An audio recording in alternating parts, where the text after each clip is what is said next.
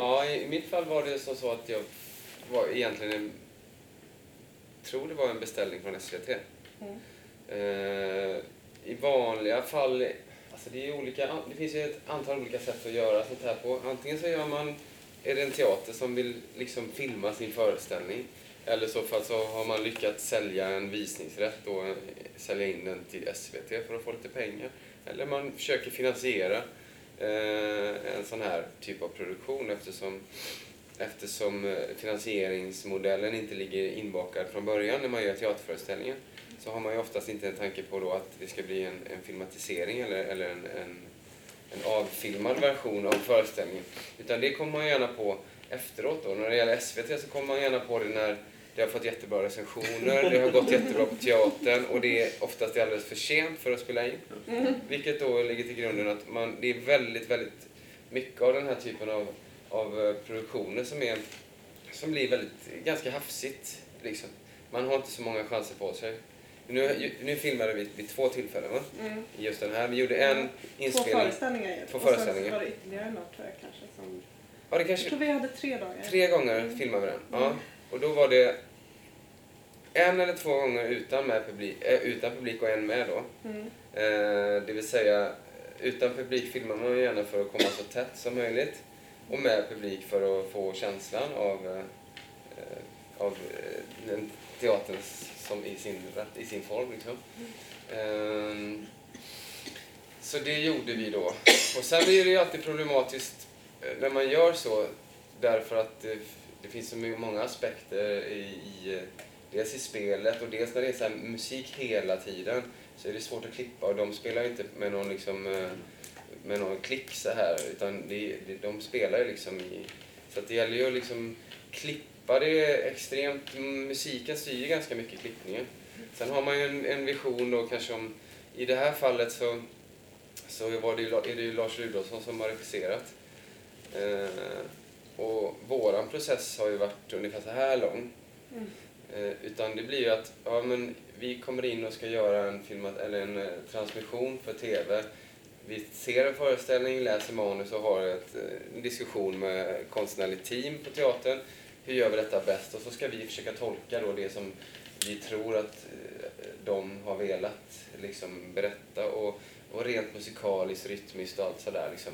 Och då får vi, får vi liksom, ja men då tänker vi att eh, vi kanske sätter kamerorna på det här sättet eller vi, vi låter en kamera röra sig så här för att det finns vissa det finns vissa så flytande rörelser musikaliskt och sceniskt och sådär. Man försöker liksom möta upp det, den faktiska föreställningen liksom, så gott man kan.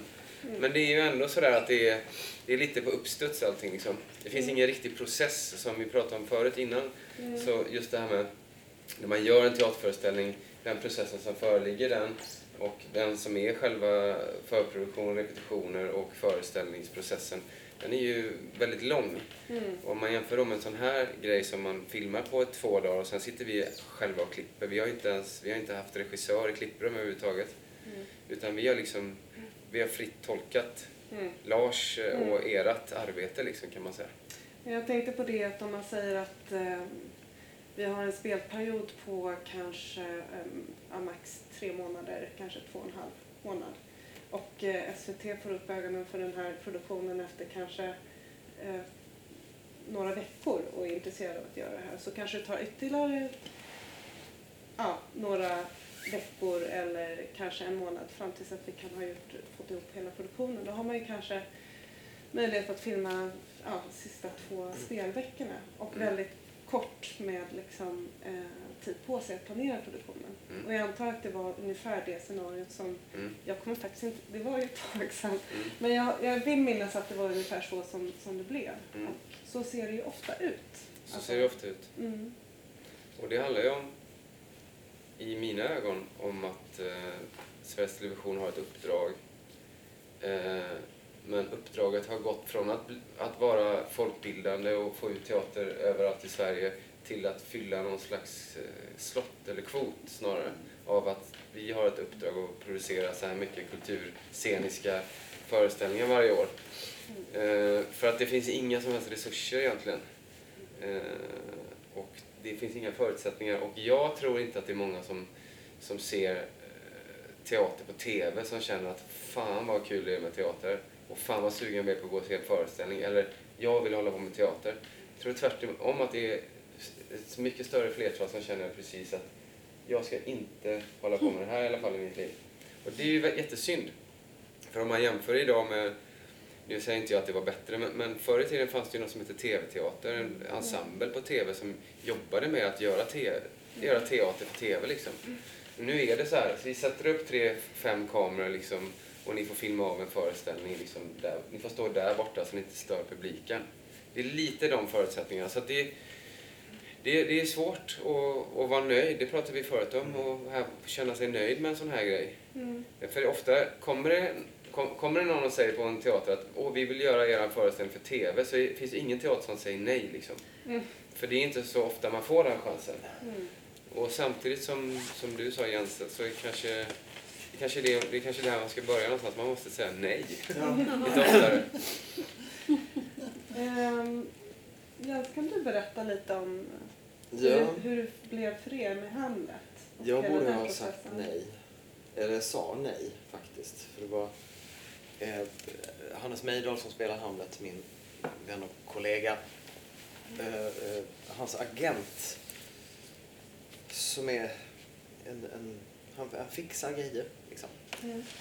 producera och så och hade kontaktat SVT och frågade Galeasen och oss om, om vi kunde tänka oss att filma av den och så. Och jag kände instinktivt nej därför att jag brukar inte tycka om att se teater på TV alls. Men så kom jag att tänka på min fru, Fanas Ababi. Hon har gjort en transmission av Jag ringer mina bröder, Jonas Hassan Khemiris, eh, 2013, som jag faktiskt tyckte väldigt mycket om. Så tänkte jag, men om man kan, om man kan göra någonting av det, alltså om man, om man repar om det och eh, anpassar det till ett nytt medium så kan det ju bli bra. Mm. Men så blev processen liksom också sådär jättekort. Jag ville träffa bildproducent och det gjorde jag. Och jag han peka ut ungefär vad jag tyckte var de viktiga aspekterna av det. Mm. Och sen var mötet över och tre dagar efter skulle vi filma det. Och visst, det var ingen dålig bildproducent eller, eller så, men man hade ju behövt ta kanske lite radikalare grepp. Så att, eh, så att filmen kunde bli liksom ett, ett verk i sig, Mm. snarare än en dokumentation. Nu tycker jag att det är en dokumentation med vissa konstnärliga anspråk. Mm. Men som liksom inte, Mm. som liksom inte ger, det blir ett dåligt konstverk istället för en bra dokumentation. Mm. Och det blir, ja, Mm. mittemellan. Men i det här fallet så kom eh, uppdraget så att säga inte från en beställare. Du fick ju en, en eh, förfrågan från SVT att göra det här. Som hade haft kontakt med Orionteatern. Men här var det en, en, filmare, en filmare som kom och frågade om det gick att göra en film av detta och sen så, så, så såldes den filmen vidare Mm. till SVT. Mm. Och sen också vidare till... Folkets hus och parker, så att den har ju visats över hela landet i stort sett på stor skärm, vilket den verkligen inte håller för. På TV kan man liksom köpa vissa grejer, men Mm. på stor skärm är det outhärdligt stundtals tycker jag. Ja. Ehm,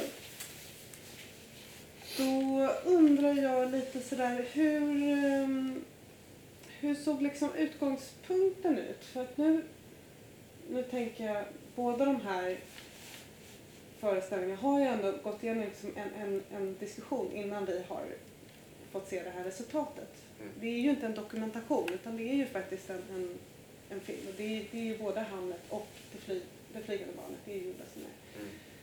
Ehm, hur kommer du ihåg Fredrik, era diskussioner, dina och Lars, innan? Hade ni... Alltså jag har inte ens ett minne av detta. Nej. Och det är därför jag också tror att eh, om jag minns, det lilla jag minns som jag inte ens minns, att det var så att det fanns inte så mycket processer utan Mm. Lars berättar mer om det här, så här ser jag på det, så här det här är det viktiga liksom. Mm. Och det kände jag när jag tittade på din eh, Hamlet också.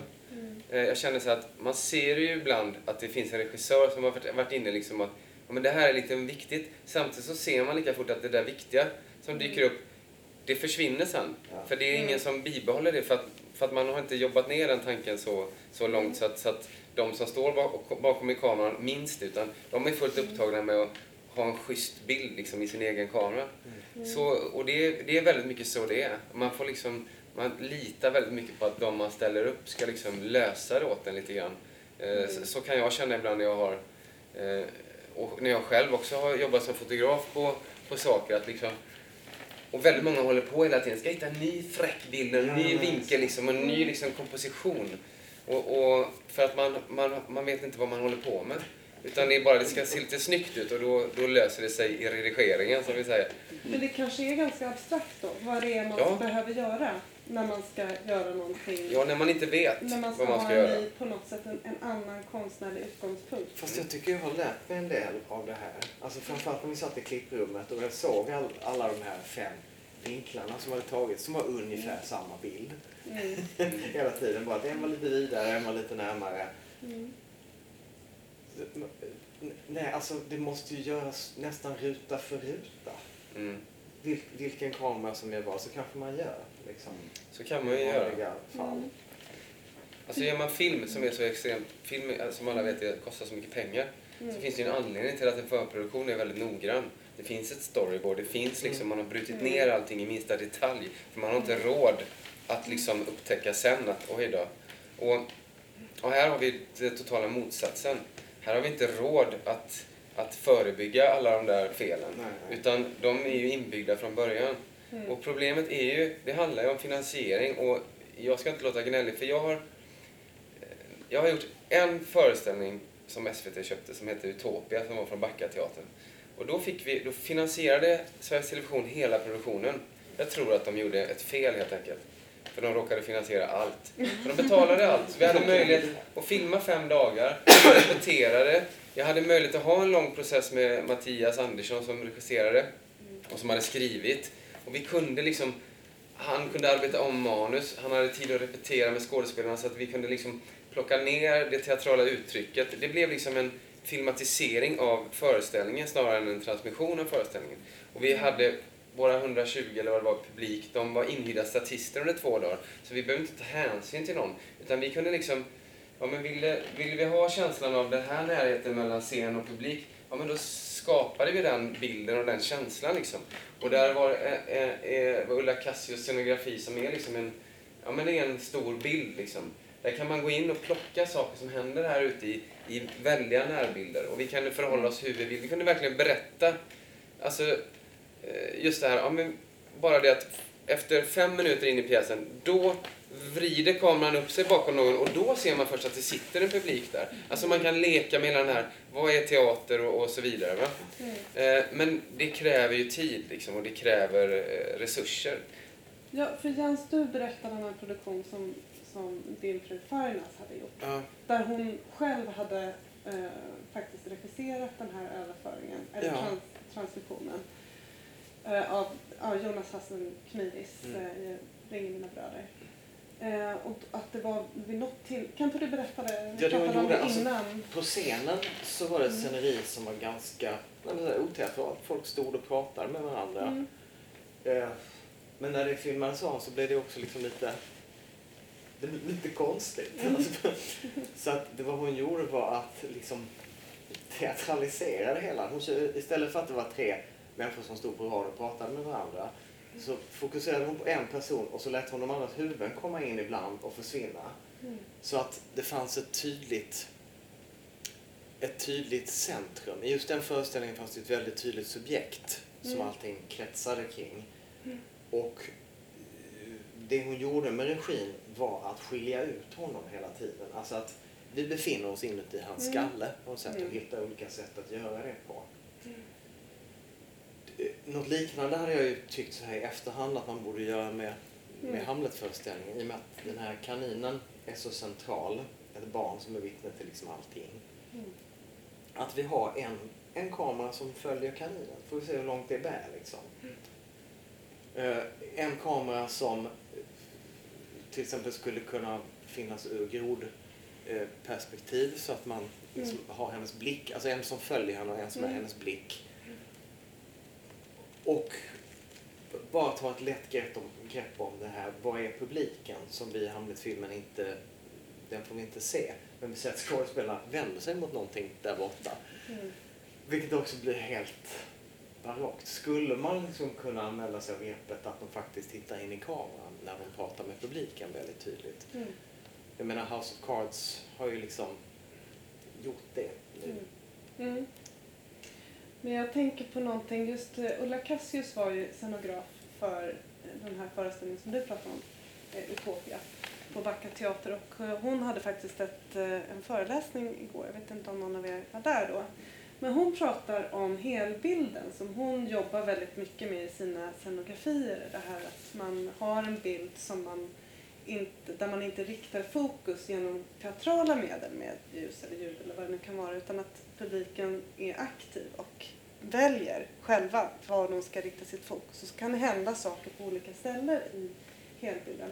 Och det är ju den det är det man gör när man sitter, att man väljer hela tiden i i, på teatern, att man väljer. Men det kan man ju inte göra på film på samma sätt. Utan man är tvungen att välja för publiken. Att det är en av skillnaderna Mm i... Om man jobbar med en bild så här. Ja, när man, att man, eh, men, men ehm, för det är ju på något sätt också det som att man tar en samlad bild eller central fråga i en föreställning och sen väljer ut den. Att det blir liksom på något sätt den helbilden som man sen får jobba emot liksom, i Mm. en transmission. Eh, vad tänker ni om, om det påståendet som jag kommer med nu?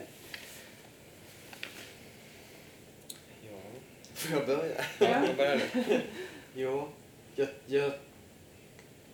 Helbilden, alltså det var så stor helbild här i, i det flygande barnet. Alltså det är både publiken, bandet, vägen bakom och sådär. Eh, Det, det tyckte jag var så himla skönt att man fick ha publiken med sig. Och det kändes som att he, de helbilderna var aldrig i något skeende. Alltså det var aldrig i något centralt som hände utan det kändes som att helbilder hade valts när vi redan var på en platå, så att säga. Mm. I Hamlet förekommer de lite då och då. Mm. Så också lite, lite halvt, det, det, tar inte ens in hela rummet. Det är bara, Mm. det här är ett ungefär åtta meter långt rum. Mm. Det, det får ingen, helbilden där fick ingen liksom betydelse. För Mm. den fångar inte in hela situationen som den gjorde i Flygande barnet. Mm. Utan bara, rummet är större än den här halvbilden. Mm. Jag tänker mig att just i Hamlet så fyllde helbilden ingen funktion riktigt. Mm. Och det är också så litet rum så att i teatersituationen så det är inte så att publiken behöver sitta och välja utan det som händer är, Mm. det är det som händer. Det är en jätteliten salong. Det tänker jag att man skulle kunna göra något bra av. Just i det där rummet med det där märkliga golvet. Att ha så många närbilder att man inte vet vad, att man inte kan orientera sig i det. Mm. För att det är när jag får helbilden och en viss orientering som magin bara Mm. bryts. Ja, men det tänkte jag på Hamlet förut. Har ni sett Hamlet? Nej. Nej. Eh, men det tänkte jag på i alla fall där. Att vad man saknade var ju den här extrema närbilden. Exakt. Som man hade kunnat jobba med eftersom det inte hade, fanns någon publik. Och det var väldigt mycket den här utsnittet också. Ja, Mm. Man hade kunnat jobba, som du säger, här. För, för så bra ensemble, så bra skådespeleri. Man vill liksom, man vill känna det. Ja, och det är ju svett också. Ja, ja, det det är en mask som liksom flagnar. Det, man vill Mm. Ja. jättenära det där trasiga. Så att när vi gjorde Flygande barnet så var ju liksom... Alltså jag tycker, i och med att det här är en sån musikalisk föreställning så, så har vi ju liksom jobbat också i klippningen väldigt... Det är musiken som styr liksom. Mm. Och det handlar om att hitta andhämtning mellan de här ganska intensiva scenerna och då, då fungerar ju den här helbilden också för att rummet har en form, lokalen, hela rumsligheten på Orienteatern är, är ju tacksam. Det är det på Galeasen också kan man känna på, till viss del. Liksom det, det finns något tacksamt det här som man liksom... Eh, ja, man, man känner någonting. Eh, Och, och, och det funkar som någon slags andhämtning mellan saker. Och, och man, och, och det, det är bara liksom, det finns en filmisk dramaturgi helt enkelt i, i klippningen. Mm. ganska Ja, enkelt. det, var, det var jätteskönt för just hög, vad heter det? översiktsbilderna blev verkligen som du säger en andhämtning. Mm. Jag fattar vad du menar med att lokalerna är liknande. Den där första bilden med golvet. Mm. Är, alltså att man får strukturen av lokalen man befinner sig i. Mm. Mm. Jävlar vad det gör. Mm. Också, också att publiken här, det är en stående publik i en och en halv Ja. timme. Mm. De står ju faktiskt i en halv timme. Så att, så att, så att, eh, och att de står där på den där asfalten. Och, och har man då dessutom varit där så, så, så, känn, så tror jag det finns någon slags, något som är lite taktilt i det där förhoppningsvis. Ja. Och som Får hjälper. publiken komma in med kommentar? Ja, Ja, absolut. jättegärna. Kör. Ja. Jag har varit med vid flera transmissioner. Jag jobbar ju som ljussättare och Mm.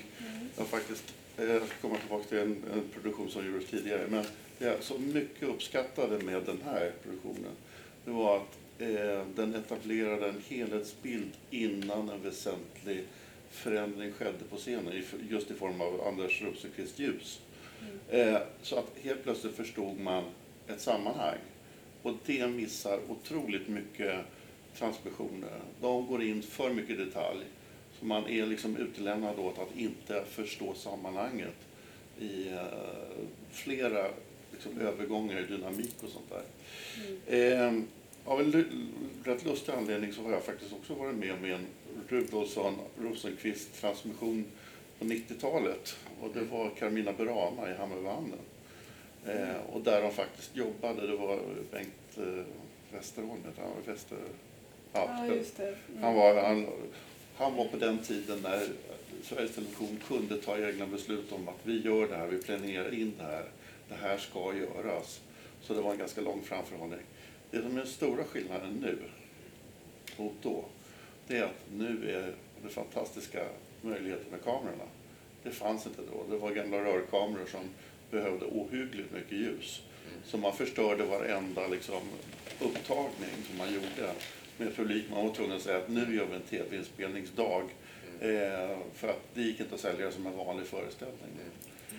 Ehm, det är liksom en metod som, eh, som går att jobba efter. Det andra är då som, du- som du påpekade att man faktiskt eh, gör någonting helt och hållet bara för, för eh, den här överföringen. Det har jag gjort med eh, två, i två andra sammanhang med dansföreställningarna har jag jobbat på Dansens hus. När vi hade Sanka Jukko inne till exempel. Och vi gjorde, det var en av de första HD-inspelningarna. Krävde mycket ljus men kunde gå in i detalj och jobba på det här sättet. Men sammantaget, alla de här överföringarna jag har varit inblandad i, det är att det har funnits en medvetenhet om hur man jobbar med bilden för att etablera den, eftersom du påpekar, i klipprummet väljer man åt publiken vad man ska se, utsnittet. Men det finns ett antal moderna transmissioner där det finns någon form av eh, bildproducenten helt enkelt tar massa, lägger andra konstnärliga eh, intentioner på det hela. Inte till godo för att betrakta själva slutresultatet utan man skär ut liksom bara en hand när man vet, om man har varit med i produktionen, att man behöver se helheten för att förstå varför den här handen. Det är liksom fler saker, Mm. det, det är övergrepp på transmissionen. Mm. Och det, den typen förstör mer än vad den tillför. Nu har jag ju då inte sett eh, Hamlet. Men jag, det jag uppskattade så mycket med den här, det var just att man... Och det, ändå så gick du in, eller ni gick in i jättemycket detaljer så småningom då. Men det var en ganska fin väg fram till liksom, att kunna gå in i alla Ja, Men jag tror att det handlar om kanske vad man har för ambition med sin produktion också. Mm. Jag har ingen ambition att sätta min prägel på den här produktionen. Men då blir det det på något Ja, sätt. jo, för att, och det handlar om att egentligen så... Mitt enda intresse är ju, det är ju inte pengar när man gör en sån här produktion, det vet ju du. Utan det handlar om att man vill ge teater till folket Ja, ja, någonstans. precis. liksom. Eh, och samma var det när vi gjorde Utopia på Backateatern. Liksom. Och den har visats över hela jävla världen. Eh, och, och, det, och där, apropå TV-teatern som fanns förr i tiden, det, det, när SVT hade ett slags folkbildande perspektiv på teatern man visade. Det var viktigt, och vi pratade om det här med skattepengar. Mm. Det finns ett uppdrag att för att teatrar också får skattepengar, SVT, vi ska ha ut teatern ut i landet och folk ska kunna se en sån här liksom hyllad Stockholmsföreställning Mm. liksom, var man än bor. Och hela den Hela idén är ju jättebra, men om, idé, om, om resultatet blir då att Eh, nu, nu avser inte jag just din produktion, eh, för att jag tyckte väldigt mycket om den ändå. Men, men i, ofta när jag har sett transmissioner liksom på TV, och folk, jag har pratat jättemycket med olika människor, framförallt folk som inte håller på med teater och sådär, att det är ju ingen som vill gå på teater efter att ha sett sånt. Det är ingen som Ja, vill kan hålla på med det där. Och då, då tappar ju hela den där folkbildnings... Precis. Vad är det för folkbildning? Om man, liksom, om man slänger ut saker som gör att folk inte vill hålla på med detta, då, då sysslar man ju med någonting annat. Och då kanske det är bättre att man inte fyller sin kvot varje år och gör de här åtta teaterföreställningarna, utan man kanske gör två. Och man ger sig fan på att de ska fan bli världsbäst. Också filmatiseringarna. För det är ju ett sätt att vi... Det är ju ett, liksom ett, ett arv, och det här arkiveras ju bara. Men liksom, det finns ju... Eh, det här är ju någonting ändå, det består ju någonstans. Och det representerar någonting. Det här är en, en del av det filmade material som representerar en tid i svensk teaterliv någonstans. Mm. Och vill man att det ska nå höjd och, och liksom få någon bra effekt så, så kräver det ju liksom det kräver resurser, det kräver liksom eh, kunskap och allt det där. Det är inte bara att ställa upp tre kameror och kötta liksom. Men jag Och- tänker, ja, vill Ja, du säga jag tänker, hur går man vidare från det? Ni var inne på ett intressant ordet nej. Alltså, Mm. någonstans får det hända någonting utifrån det här. För, för jag är skådis. Jag, jag tycker vi har liksom inte råd till det precis du var inne på här att folk ska vända sig mot. Alltså, kompisar som jag har som inte går på teater som vänder sig mot. Nej, jag ska missa inte. Istället för jag bara tänker på mitt eget arv. När jag lockades. Eh, en del av min lockelse till teatern var ju de här tv-teatrarna. Mm. Precis. Mm. Med livet, med lusten, med gnistan som man till och med genom tv-skärmen kunde få ut. Och sen tänkte jag på en helt eh, väsentlig sak för mig också som du sa där i början. Du sa så här Mm, jag har tyvärr inte sett Hamlet, men så, ja, så, så sa du att ja, eh, vi hade kort tid eh, där och Lars sa, och, och jag, jag, jag, jag, jag ska göra det här utifrån vad jag tror att de berättar. Mm. Ehm, för jag tänker, alltså, att, att gå ut med historia, att vi, vi berättar den ihop, vi som, som gör hela produktionen, vi berättar den tillsammans, vi berättar detta. Så att vi vet där. Och fast ibland tror inte jag att det är så viktigt egentligen. Nej, det var det som jag funderade på. Ja, nej, jag tror inte det. För att upplevelsen av, av er, som, er få som har suttit här är ju väldigt subjektiv. Jag tror inte att ni upplever samma sak och vad det är som berättas här till exempel. Och det har ju med filmprocessen att göra som är så komplex. Liksom.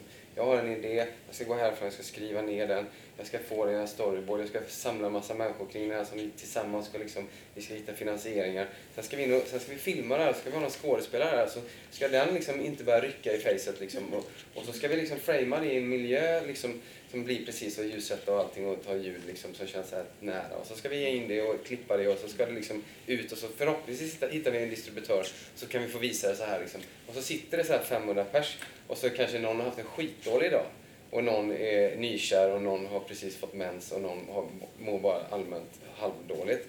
Alltså upplevelsen av den där, det är ju den där konstupplevelsen är ju liksom Mm. så att jag vet inte om det är egentligen... Det är klart att det är, att, att det är bra att man vet vad man håller på med. Men jag tror också att ibland kan det vara sådär... Jag tror att det handlar om... Jag tror att det handlar mycket om... Eh, det är klart man måste vara lyhörd och veta att det här är vad de vill berätta. Det här är regissörens ambition och skådespelarens ambition. Allt det där. Det är klart man måste veta det. Men sen så tror jag att det handlar inte om att ta det steget att ta närbild på den handen på ett fräckt sätt som jag liksom och mitt filmteam tycker är coolt. Utan det handlar om att försöka känna in liksom att vad är det som krävs här nu och vad har vi möjlighet att göra och, och liksom... Eh, eh, och jag hade för mig att det, vi, vi flög i helik- Var det någon Ja, flygbil det var en drönare. Var det det? Ja, det var det. Mm. Men jag tänkte säga, för jag... jag ja, men det var så här, du vet, man har så här idéer. Ja. Man flyger, man, det är klart vi måste flyga så här liksom. Ja, och jag kan säga typ på teater så här, åh nej drönare, och vad jobbigt. Nu kan jag säga det för nu har det gått flera år så här, kan det verkligen bli bra? Men det blev ju väldigt bra. Ja, Alltså, jag såg inte. Att förstå liksom från ena hållet till det andra, det är ju inte alltid så självklart liksom med olika, olika tekniker för att, att berätta. Men jag pratade i alla fall med, med Lars Rudolfsson innan vi eh, kom hit. Uh, och han var för övrigt, uh, han, han tyckte, ju, tyckte att det lät väldigt bra liksom. Och uh, så frågade han, men vad tänkte du liksom innan och efter nu att det är viktigt liksom när man gör en sån här transmission? Och sa han, ja men det, man får tänka så här att när man går från scenkonst till film så tar man ju bort någonting. Och då är det viktigt att man lägger till någonting annat. Och det är väl lite det som du har pratat om också Jens, att, att det behövs, att det krävs att man lägger till det som man förlorar faktiskt. För det är ju någonting man förlorar ifrån teatern till filmen. Ehm, och det var också något som Ulla Cassius pratade om, den här nu-känslan. Att det här händer bara precis exakt just i detta unika ögonblick när jag sitter här i publiken och det här händer på scenen. Det är ju liksom den, det är ju det som man förlorar i, Mm. Ja, i det är det. filmen. Och det är jätteproblem. Det finns ett exempel i slutscenen när de sitter vid det här bordet. Mm. Och, och som egentligen är, eller egentligen, det är ju en jättestark scen. Och den är ju filmad. Plötsligt så är kameran så här nära objektet. Liksom. Och det är, jag tycker det är jätteproblematiskt för att det är ingen som, som tror att vi, att vi film, att det är... Utan det, känner ju publiken när man står så här nära med en kamera så känner man ju det. Och när man då har, har försöker låtsas att man filmar en teaterföreställning som sker här och nu liksom. Och så helt plötsligt så ser man att ja, men det här är ju riggat liksom. De står ju, det, är- det är ju, just det, just det, det är ju skådespeleri, det är det i och för sig. Men, men det är väldigt problematiskt när man sitter och klipper det materialet att, att liksom, funkar detta eller funkar det inte? Jag, jag tycker att ibland så, så känner man så att ja, men det här funkar inte. Helt plötsligt så, för man bryter någonting. Man bryter den publika överenskommelsen som man också har. Det vill säga att vad är det de upplever som står där på golvet på Orionteatern? Eh, om jag helt plötsligt går in där när det är som mest känsligt. Det, alltså det, det, det, ehm, Men det är ju ett Det val bli som väl- ni har gjort. ja, det är ett val, ja. Ja. Men det är väl, och det är väldigt många sådana val man gör längs Mm. vägen i klippprocessen. Liksom. Mm. Eh, jag vet inte vad jag ska säga med det, men, men, men det är... Ja, det är svårt det här med, med närbilder på teaterföreställning också kan jag tycka. För att teatern som upplevelse är ju... Man sitter ju oftast en liten bit ifrån åtminstone. Mm. Ehm, Så att de här närbilderna måste ju någonstans... De måste ju vara ett tillägg då, som du säger. Jag tror det var det jag pratade om, det här liksom att Mm. men det är det jag kan lägga till här. Det är att jag kan komma sådär nära som man inte kan komma annars när man sitter på teatern. Mm. Och jag kanske kan uppleva någonting i det uttrycket som den här skådespelaren har jobbat med i tre månader eller Mm. åtta veckor eller vad det är. Mm. Liksom, som man inte upplever när man sitter där bak. Mm. Eh, för det har jag upplevt själv den tid jag var skådespelare. Att jag höll på som fan med vissa detaljer vet jag. Vet, det var så viktigt för mig en gång att jag ville ha en sån här tandställning som en karaktär. En sån här järngrej i munnen. Mm. Men sen visade det sig att det var aldrig någon som hade sett att jag hade det. Och det var ju hela den karaktären tyckte jag. Det var den här tandställningen var så viktig för mig. Mm. Och, och vissa saker kan liksom gå förlorade på teatern. Vissa saker kan man då fånga upp Ja. på film. Men det tänker jag också när man anpassar ett, eh, en spelstil från eh, golvet, scengolvet till film. Eh, hur, hur tänker man då? Ska man ta ner spelet? Ska man ta upp spelet ibland? Hur, hur liksom, för att ett, ett teatralt spel, alltså när man riktar sig ut till publiken, det är ju någonting annat än när man spelar för en filmkamera. Mm. Hur, hur resonerar ni där, Jens? Vi hann inte resonera överhuvudtaget. Nej. Vi var bara plötsligt där. Och, eh, nej, och de fick göra som de brukade för vi hade inte tid att göra någonting Mm. annat. Alltså Mm. risken var att de skulle ha tappat i energi Mm. och intensitet. Så att, Mm. och ändå språket, är, alltså det är ju på vers, herregud. Det blir Mm. inte lätt och ledigt i alla fall. så jag tänkte okej, så det är lika bra att köra på den högtalande stilen. Ja. Men du Jens, du var inne på det i början och sa det att jag, jag skulle egentligen sagt nej. Ja. Mm. Och hur, hur har du tänkt? Eller jag skulle inte sagt nej, jag skulle ha sagt ja. Ge oss två veckor och omarbeta det här. Ja. Mm. vad roligt. Får vi Mm. två veckor, vad härligt. Alltså att ha det som någon slags minimikrav för att, för att det inte bara ska, ska bli. Mm. För det är så många duktiga yrkesmänniskor inblandade liksom. Mm. Mm. Det, det tycker jag är det sorgligaste också. Man ser som kamerafolk och allting. Som är det- yrkeskunnandet är enormt. Men det är så, så wasteat för att ingen, ingen riktigt vet. Mm. Jag tänker det här valet att inte ha publiken med Ja. i Hamlet. Eh, för det är ju ett tydligt val i filmen. Alltså, Nej, det var en nöd. det var en nödlösning. Ja, alltså det hade inte gått att få in publik. Det är ju ett jättelitet rum. Ja, men jag och det är fem stycken det- kameror som går omkring på det här golvet. Mm. Alltså det var ju så att ibland fick inte skådes alla skådespelare som var med i en scen fick inte plats för att det var för Mm. många kameror. Mm. Och också vinklarna, det, publiken var dessutom i en, en liten L-vinkel. Mm. Vilket gjorde det väldigt svårt att inte få med publikplatserna överhuvudtaget. Mm. Det var ett rum som var svårt att orientera sig i. Men det var främst att det blev så makalöst trångt och varmt. Vi gjorde det i slutet av maj. Mm. Temperaturen i lokalen var närmare 40 grader. Mm. Alltså det hade varit tortyr att sätta 100 pers där Mm. och tvingas titta på en avfilmning. Mm. Ja, det låter som att det var förutsättningar som var svåra. Alltså både Ja. i rummet och med tiden och med att det inte fanns ekonomi och att, eh, ja, och att ni inte hade haft tid att prata konstnärligt. Ja men, exakt, men det följer på min okunskap också. Mm. Alltså jag har ingen erfarenhet. Vad vet jag om hur mycket man behöver prata? Mm. alltså det vet ju inte jag. Nej. Jag tänkte att ja, men har vi inte haft ett möte, nu blir det bra. Mm. Mm. Och sen såg jag Tänkte att, du att det, var, att det låg på den som ska filma materialet? Att, Nej, jag tänkte att om, om jag säger så här att men det här tycker jag är viktigt med den här uppsättningen till en bildproducent. Då tänker jag att bildproducenten, vad vet jag, ger instruktioner till kamera. mm. Så. Jag vet inte hur gången är. Mm. Nej men jag trodde väl att jag trodde väl att jag hade gjort gjort saker mer klara än jag hade gjort kanske. Eller jag kan säga som du säger, ansatserna till det.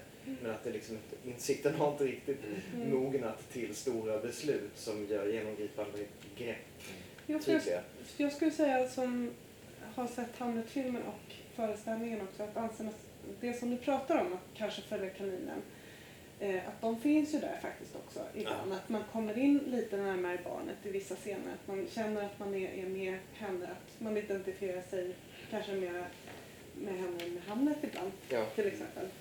Eh, så att det finns ju faktiskt, men kanske inte helt genomfört från Precis. från början till slut.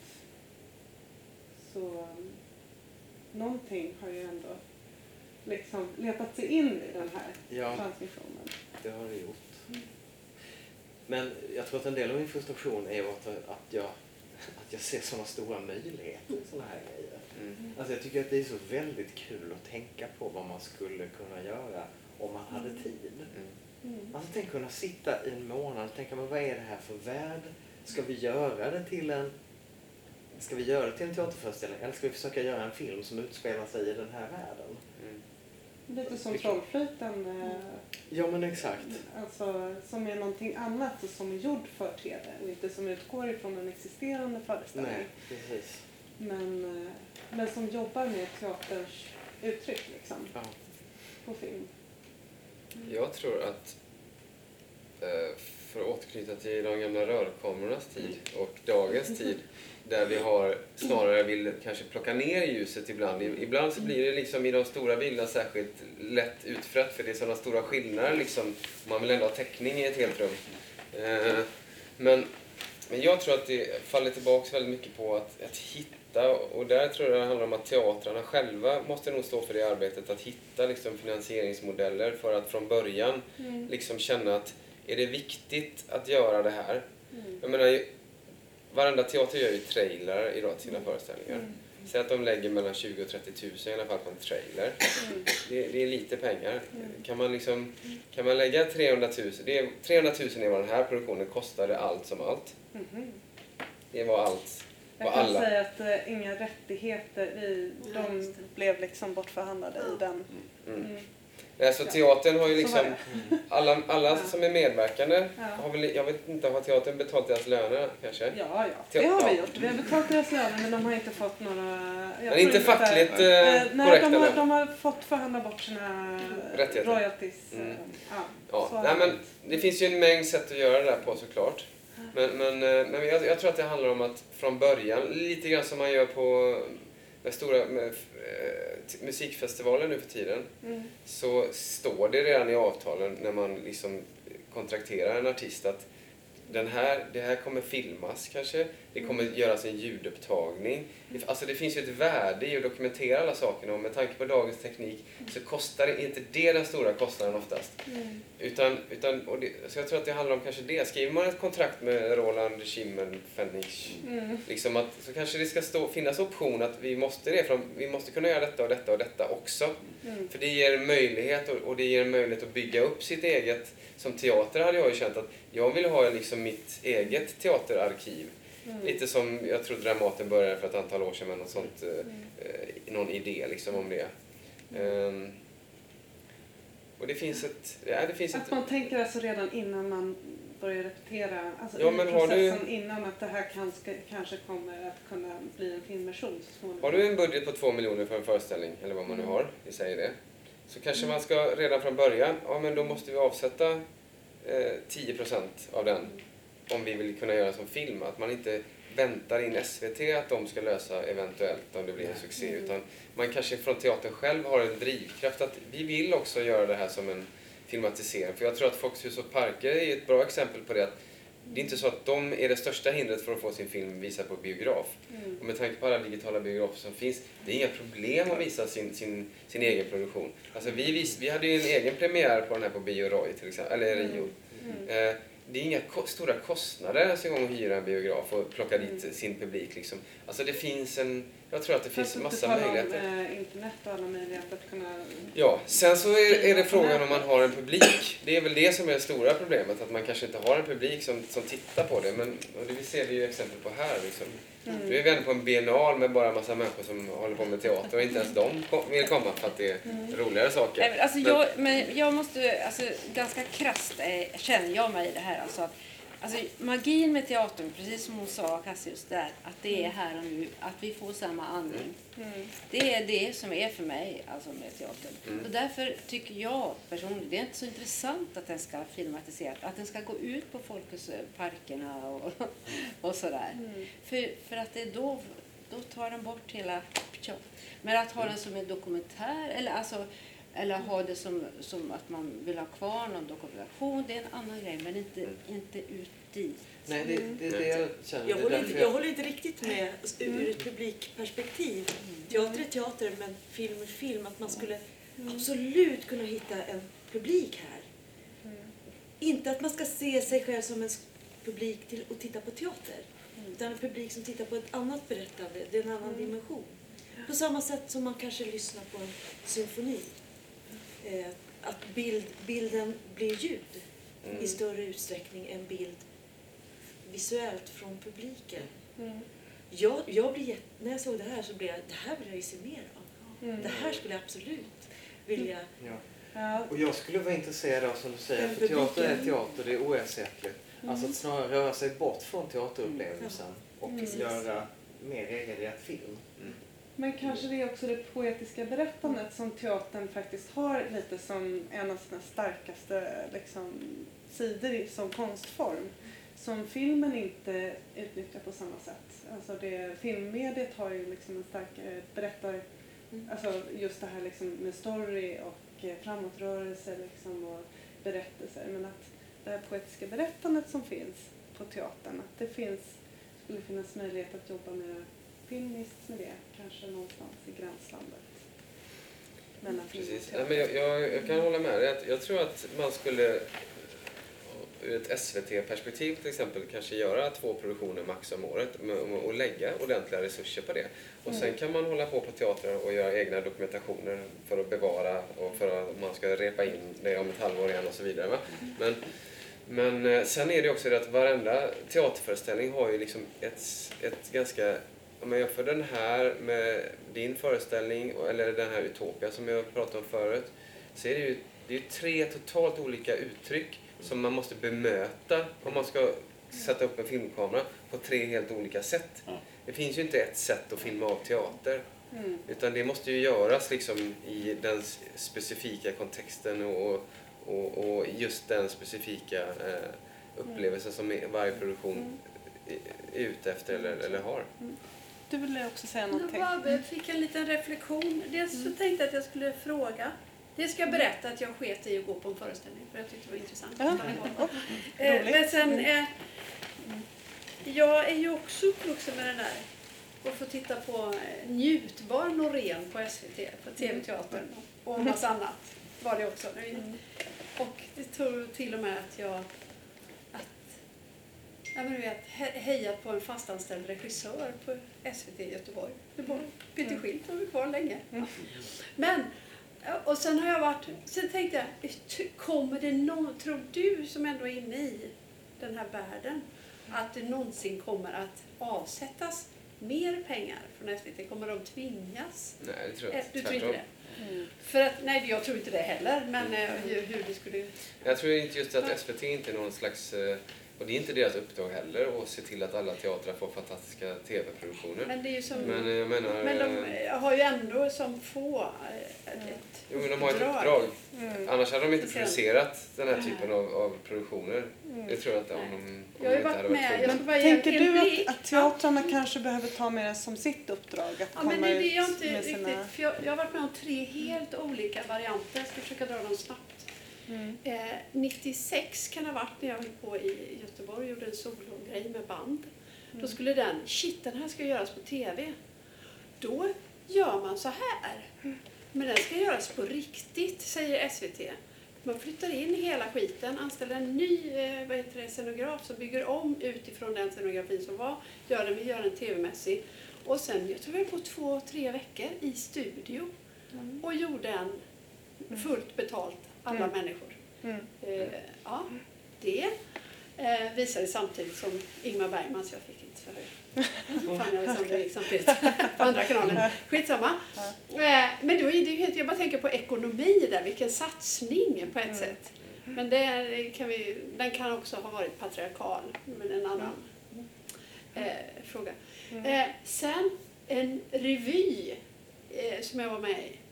Som shit, det här jag, men jag, jag kallar in någon och sen från SVT, men det här blir kul, det, det filmar vi.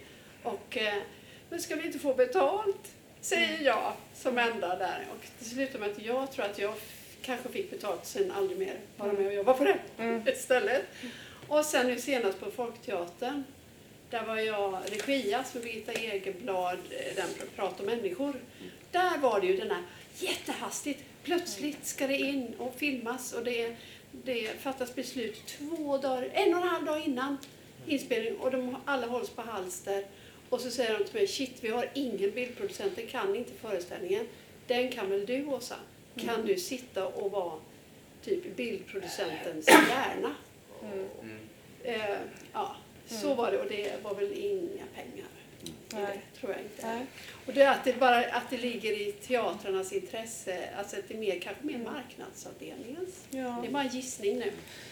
Eh, Att skaffa sig bra bättre förutsättningar Ja, faktiskt och kanske ställa lite mer krav Ja. på sina, se sina beställare mer som samarbetspartners som faktiskt måste lägga in eh, någonting in, i Och sen så kanske produktion. att teatern tar mer som du säger makt, makten Ja. över att men vill vi vill vi ha makt eller kontroll över om det ska föras över då.